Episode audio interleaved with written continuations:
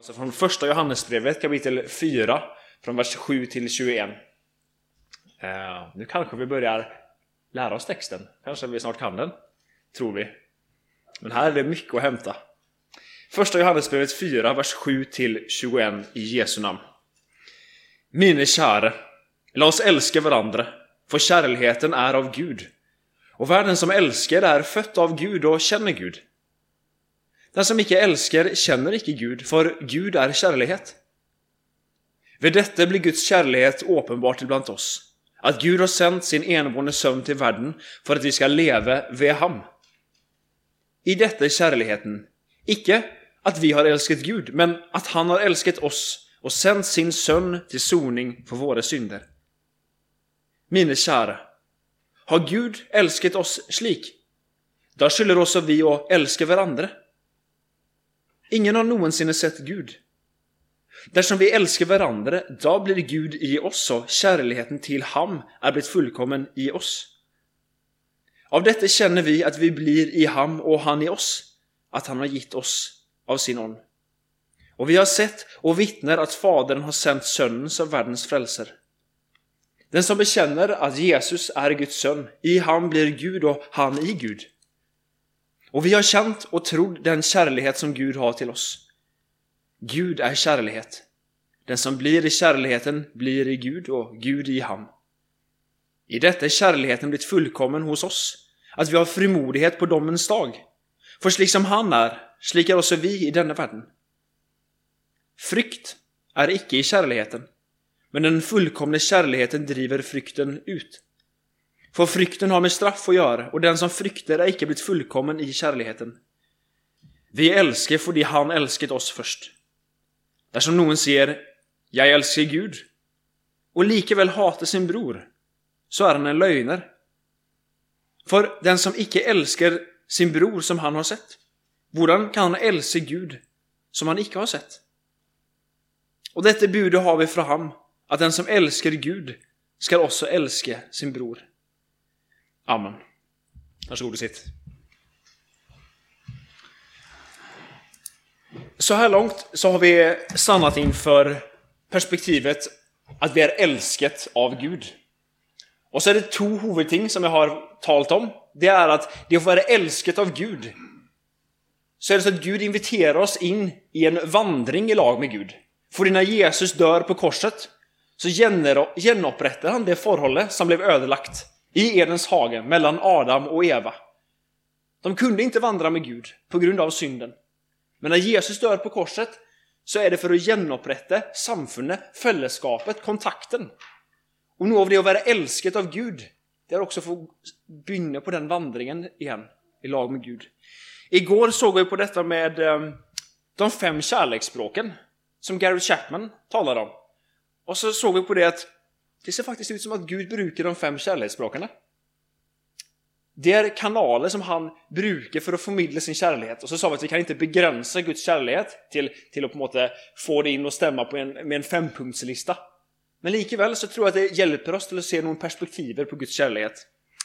Och så talade vi igår också om att, att vi är kallade till att älska Gud. Och något av det centrala i det att älska Gud, det är att låta Gud få vara Gud i ditt och mitt liv. Att vi lever med en levande Gud som är på riktigt och som präger vårt liv.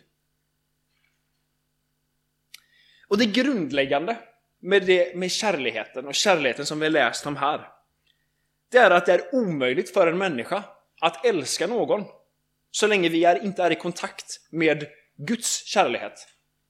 Och som det står om i texten här, att vi, är, vi må vara genfött, fött av Gud, genom dåpen och troen.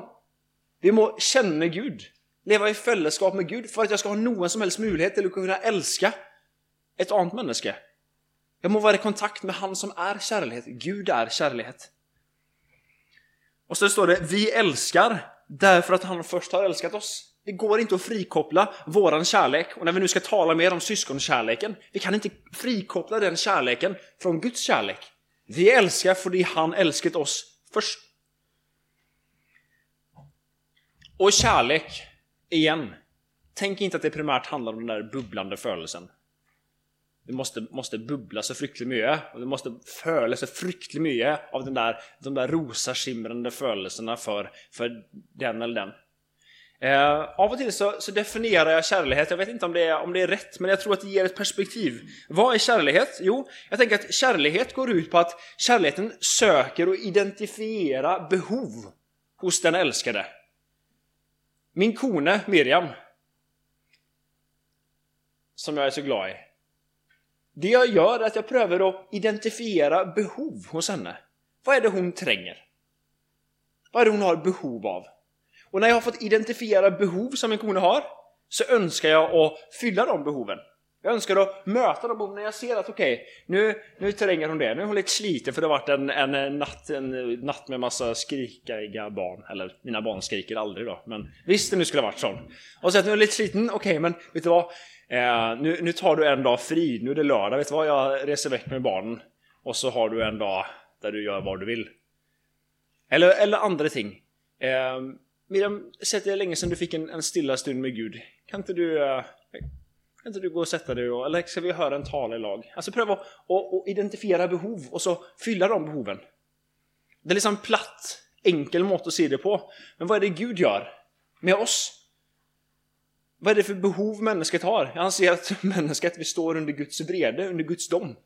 Vi är på väg till att gå förtapt. Vad är det vi har för behov? Vi har behov av en frälsare som går in i ditt och mitt ställe, Som tar vårt straff så att vi ska kunna leva för evigt. Kärleken söker ett att identifiera behoven. Och när behoven är identifierat så önskar kärleken att fylla de behoven med det som, det som trängs, det som är gott. Och i motsats till att kärleken bara är födelser så är kärleken ett beslut. Men när vi bestämmer oss för att älska någon så är det likväl inte så att kraften finns i mitt beslut. Men kraften finns i Guds kärlek och i Guds ande. Där finns drivkraften, där finns kärleken som faktiskt gör mig i stånd till att älska. Inte fullkomligt, det kommer jag aldrig göra förrän i himmelen. Men likväl, Guds kärlek bor i mig när jag är jämfött av Gud, får ta emot tillgivelsen och känner Gud, lever i fällskap med Gud, så bor och jag, jag av och till kallar det för Johannes 3.16-kärleken. Den bor i mitt hjärta. Alltså samma kärlek som drev Jesus till att dö på korset. Gud älskade världen så högt att han gav sin son den enbåne för att världen som tror på honom icke ska gå förtapt men ha evigt liv. Den kärligheten bor i ditt och mitt hjärta som får ta emot Jesus. Och det är en oändligt stor kärlighet. Det som är temat för, för eh, det som jag ska säga nu, det är syskonkärleken, Eller att älska varandra. Det står det mycket om i texten här. Vi ska älska varandra. Eh, Rosenius, han, han ställer tre spörsmål. Vem, vem, vem ska vi älska? Och så säger han så här. Spörsmål nummer en. Är detta en människa av kött och blod som jag? Ja, det är ganska lätt att avgöra. Du kan bara ruska tag i personen lite grann och känna, är det kött och blod här? Ja, men det, är, det här är ett människa. Bra. Och så ett spörsmål, är det ett människa som är skap, skapat av Gud och återlöst med Kristi blod? Ja. Så högt älskade Gud världen. Så han har betalat straffet för alla människors synder. Det betyder inte att alla människor idag är frälsta. Vi blir frälsta, jag blir frälst genom att tro och ta emot den tillgivelse och den frälse som Jesus bragte för mig. Men han har betalat priset för all världens synd genom alla tider. Så är det en människa som är skapad av Gud och återlöst med Kristi blod? Ja. Och då kommer konklusionen, det räcker för att hon ska vara värd all vår kärlek. Så när det står att vi ska älska varandra, vem ska vi älska då? Jo, som det står i det dubbla kärleksbudet, jag ska älska min nästa. Eller en gyllene regel, eller ehm, ja, att, att du ska älska din nästa som dig själv. Vi ska älska mina fiender, som vi läser om i bergpräkenen. Men vi har också en speciell kärlighet till våra trosösken. Som det står i Galaterbrevet 6.10. så står det om att Eh, vi ska visa godhet mot alla folk, men särskilt mot troens folk. Och det som vi läser om i första Johannesbrevet 4, det handlar särskilt om kärleken till våra bröder och systrar i troen på Kristus.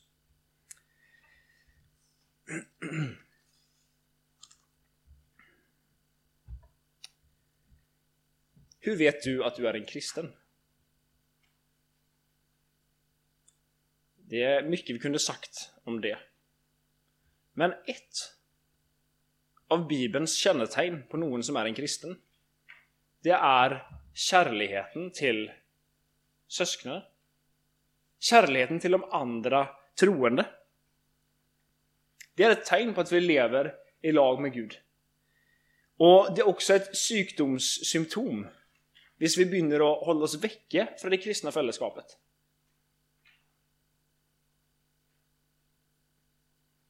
För det är ett tecken på att kontakten mellan kärlekens kille, Gud, är i färd med att avta. För det står så tydligt i den här texten att vi älskar för att Han älskat oss först och den kärleken som Gud har lagt ner i våra hjärtan, den driver oss till att älska våra syskon. Men tänk så rart om jag plötsligt i mitt äktenskap började liksom att, att hålla mig borta från min kone. Vi träffades nästan aldrig. Nej, vi, vi, vi är gift, vi har det bra, men vi träffas aldrig, vi snackar aldrig. Det, det, är, nog, det är nog som skurrar där. Det stod i vers, vers 16 här. Och vi har känt, nej, sorry, inte vers 16. Eh, vers 12. Ingen har någonsin sett Gud. Men dersom vi älskar varandra, då blir Gud i oss. Och kärleken till ham är blivit fullkommen i oss. Igår snackade vi om att älska Gud. Hur ska vi älska Gud? Och så gick jag lite tom för tid, så jag fick inte sagt det. Men en ting som är viktig i förhållande till att älska Gud, det handlar om att älska våra syskon. För vad är det som sker när ett människa kommer till tro på Jesus? Jo, då flyttar Gud in i det människan med sin on. Och det står här, ingen har någonsin sett Gud. Där som vi älskar varandra, där blir Gud i oss. Och kärleken till honom har blivit fullkommen i oss. Och det betyder också att när vi älskar våra bröder och systrar i troen, så älskar vi Gud, för det Gud bor i dig. Eller som Jesus säger, allt vad ni har gjort mot en av dessa mina minsta små, det har ni gjort mot mig. Så kärleken till Gud, som det står, blir fullkommen när vi älskar varandra. Varför är syskonkärleken så viktig? Det är tre saker som jag önskar lyfta fram där. Det första är faktiskt att det är en mycket viktig missionerande funktion. Vi ska slå upp i Johannes kapitel 17, vers 20. Det här tror jag vi snackar ganska sällan om. Men visst är det sant det som står i den texten vi ska läsa nu? Och jag tror att det är sant. Så har det enorm betydelse. Johannes 17, vers 20-23. Och då är vi inne i Jesu ypperste prästerliga förbön. Johannes 17, 20-23. Jag ber inte bara för dessa, men också för dem som vid deras ord kommer till tro på mig. Alltså Jesus ber inte bara för sina discipler, men också för dem som kommer att komma till tro på Jesus ved disciplerna och ved disciplernas förkynnelse. Jag ber inte bara för dessa, men också för dem som vid deras ord kommer till tro på mig. Att de alla må vara ett, lika som du, far, i mig och jag i dig. Att alltså de må vara ett i oss. Och så kommer det för att världen ska tro att du har utsänt mig. Och den härlighet som du har gett mig har jag gett dem, för att de ska vara ett, lika som vi är ett. Jag i dem och du i mig, för att de fullkomment ska vara gjort till ett. För att världen kan känna att du har utsänt mig och älskat dem lika som du har älskat mig. Jesus ber om att de kristna ska vara ett en enhet, ett fällskap. Och så lignas den här enheten med Guds enhet. Alltså Fader, Son, Helion, som är ett. Och den kärligheten, det fällskapet som är i den treenige guden, det är modellen för den kristna enheten. Och jag tror inte vi kan betvivla kärleken som är i Gud när Gud själv är kärlighet. Gud är kärlighet. Och den kärleken är modellen, utgångspunkten för vad som ska präga det kristna fällskapet, den kristna enheten. Och så är det helt vidunderligt. Och på en måte lite skrämmande och samtidigt fantastiskt att se vad är konsekvensen av den kristna enheten? Har du märke till det? Det är två ting som står här. Det första är, i vers 21 så står det För att världen ska tro att du har utsänt mig. När de kristna är ett, då kommer världen känna att Jesus är Guds son, utsänd av Gud till världen. Det kommer världen att känna. Och det andra som står här, i vers 23. Eh, för att världen kan känna att du har utsänt mig och älskat dem. Den? Den kristna enheten, säger Jesus själv, kommer att göra att människor runt omkring oss kommer att, och, kommer inte att förstå allt. Men det står här att de kommer märka att Jesus älskar dem. På grund av den kristna enheten, på grund av det kristna fällskapet, på grund av kärligheten bland de kristna. Vi tänker att mission, det handlar bara om att vi ska gå ut och så ska vi stå på gatan och så ska vi vittna eller vi ska stå i, det, i, i samtalet och, eller vad det nu kan vara. Och ja, det är jätteviktigt. Men talar vi ofta om syskonkärligheten som något som en, en missionerande företeelse? Jesus säger det. Då, när det är ett, så kommer världen känna att jag är utsänd av Fadern och att jag älskar er. Det är ganska så stort. Och Johannes, Johannes 13.35 så står det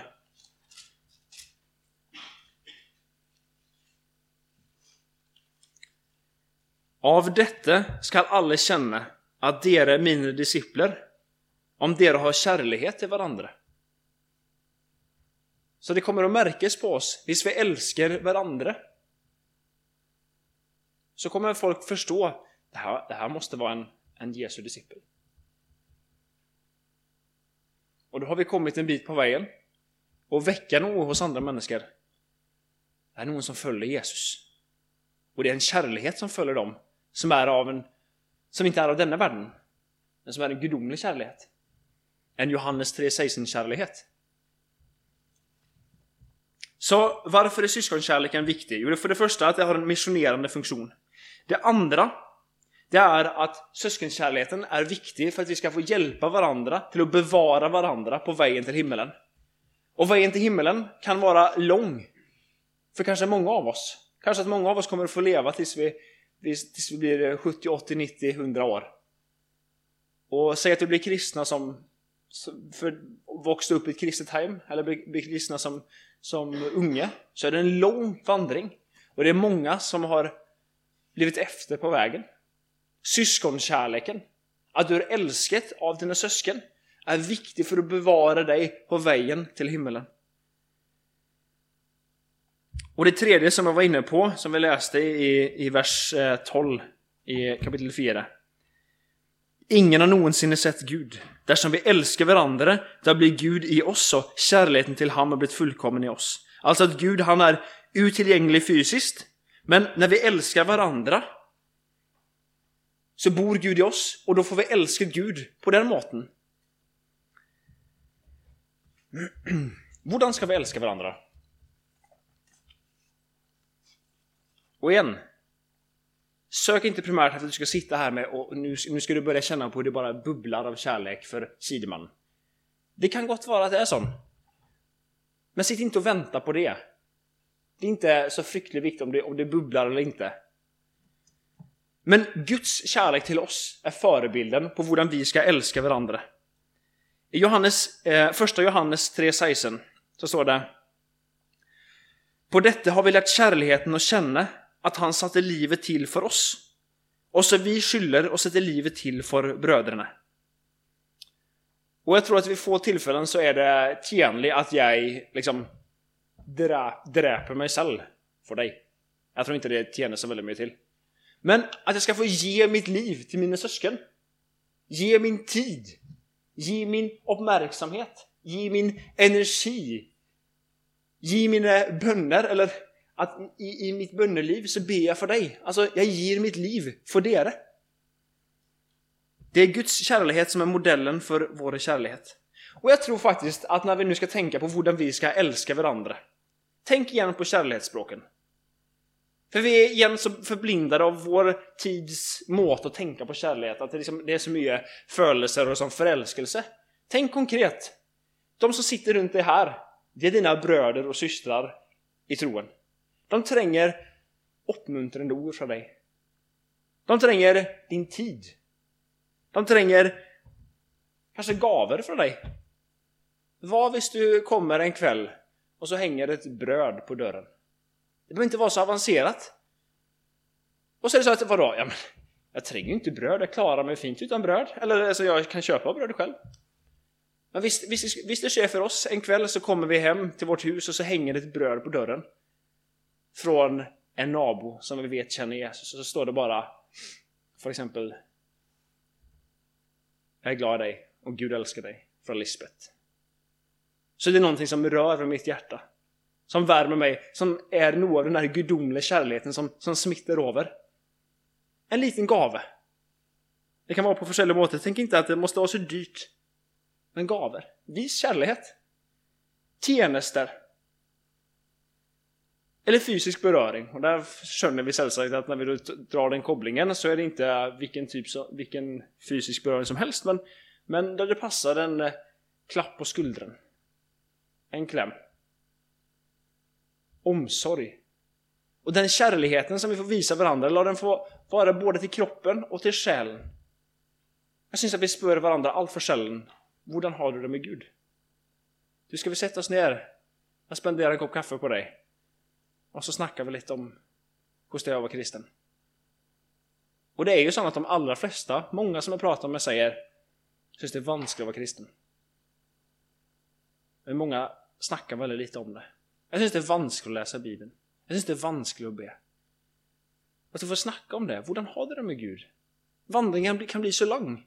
Men vi är syskon. Jag kan inte la ett syskon i min familj. Vi är ju tio syskon. Men plötsligt ser att jag har ett syskon som är, liksom, som är fryktliga alene, som har det tufft och vanskligt. Jag kan inte bara la den personen bara vara alene med det. Men visa omsorg. Nu kommer jag till Noel, alltså så här långt kanske vi är med. Kanske att vi har tänkt, kanske inte tänkt så konkret på kärleken. Att visa kärleken så konkret och fysiskt och, och håndgriplig. Men, men jag tror att vi likaväl är, är eniga i detta, att ja, men det är viktigt. Men det som vi inte är fullt så eniga i, det är att för att dere ska kunna visa mig kärlek, så är jag nött till att ta emot kärleken. Och det kan vara ganska mycket vanskligare, för jag vet, för min del, att det måste vara närmast krisa i min familj för att jag ska vara beredd till att ta emot hjälp. Alltså om någon säger ja men eh, ni kan komma på, eh, kan, kan, kan jag komma på dörren med middag en dag?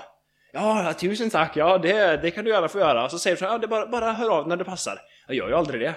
Eller vi har malt vårt hus.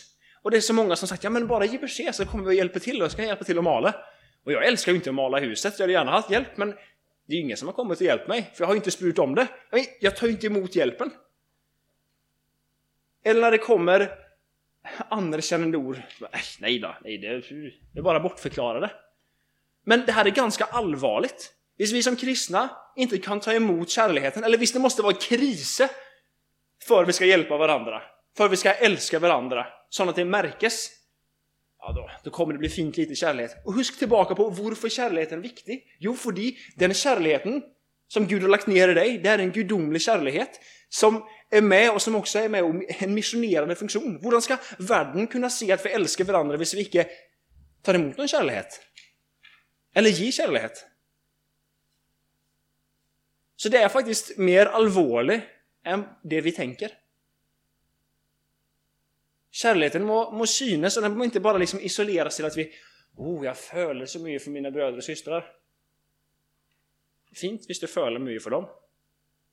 Men vis det i ord och i handling. Och det snackar Johannes om också, att, att kärleken är i, i ord och handling. Varför ska jag göra det här?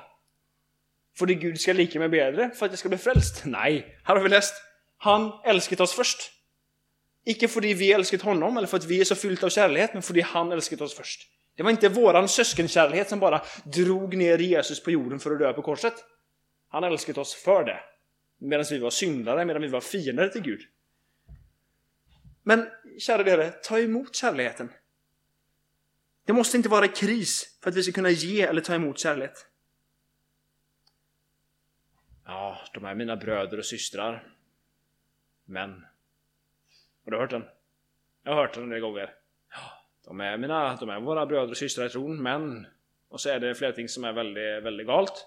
Och det där männet gör att de egentligen är mina bröder och systrar. Um, jag har fått väldigt mycket av att läsa Rosenius och den boken som heter Bröders gemenskap. Och han säger så här. Kort sagt, kärleken kan aldrig bestå om du inte vill älska andra än felfria bröder. Det är inte din brors fel du ska älska. De ska du varna honom ifrån. Men honom själv ska du visa broderlig kärlek. Det finns inte några felfria bröder eller systrar. Jag är inte felfri, du är inte felfri. Vi ska inte älska failen. Utan de ska få varna från eller, och göra oss bevisste på att här är det faktiskt kanske synd. Men vi ska älska våra syskon. Och kanske till den som faktiskt inte får det helt till. Som tränger extra mycket av vår kärlek och omsorg och tid och godhet och tjänster och en kaffekopp.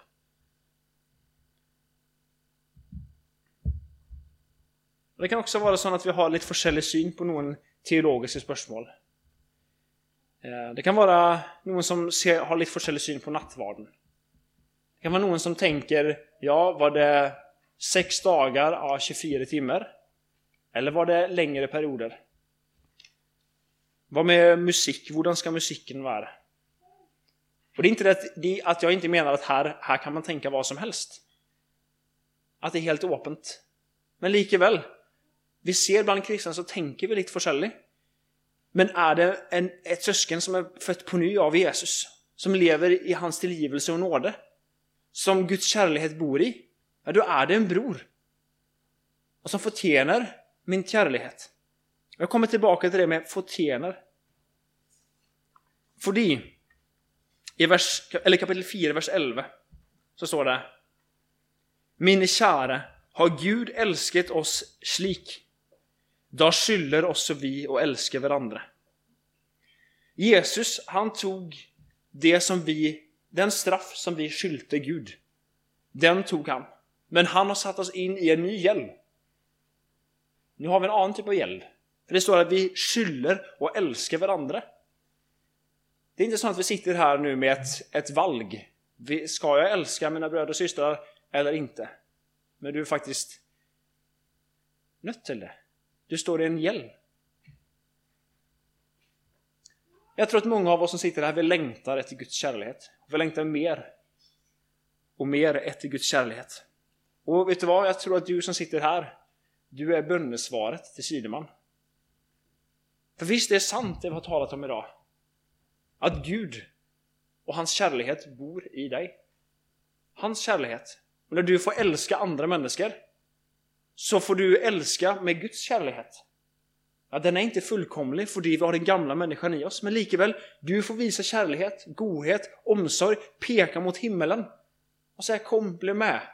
Jag är glad i dig. Jesus älskar mig, han älskar dig, jag älskar dig för du är mitt syskon i tron på Jesus. Så kan du vara bönesvaret till sideman som längtar efter att få erfara mer av Guds kärlek. När du får älska din bror och din syster.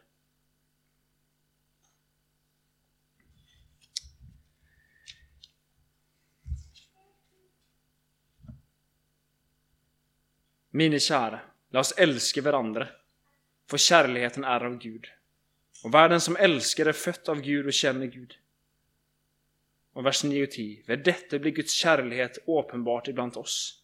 Att Gud har sänt sin enbårne son till världen för att vi ska leva över honom. I detta är kärleken, icke att vi har älskat Gud, men att han har älskat oss och sänt sin son till soning för våra synder. Igen, utsätt dig för Guds kärlek. Låt Gud få överbevisa dig genom sitt ord, sin on, fällskapet, nattvärden, om att du är älskad av honom. Och så sitt inte hemma på din stol och bara tänk Ja, nu ska Gud driva mig till att ut och älska andra människor. Och så, så länge inte du upplever att Gud liksom drar dig i håret och tar dig ut som där, så kan du bara sitta där. Men Gud och hans on är i ordet. Och han säger Älsk varandra. Och då tränger vi inte mer än faktiskt det ordet. Älsk varandra. Så går vi ut och gör det. För det är han. Vi har fått en kärlek. Gud älskat mig. Han tillgav mig all min synd. Och nu står jag i skyld överför det. Så tusen tack för att jag fått vara i lag med er. Få uppleva kärleken och godheten från er. Jag kommer att bära med mig detta som ett, eh, en god helg vidare när jag kommer tillbaka till val. Amen.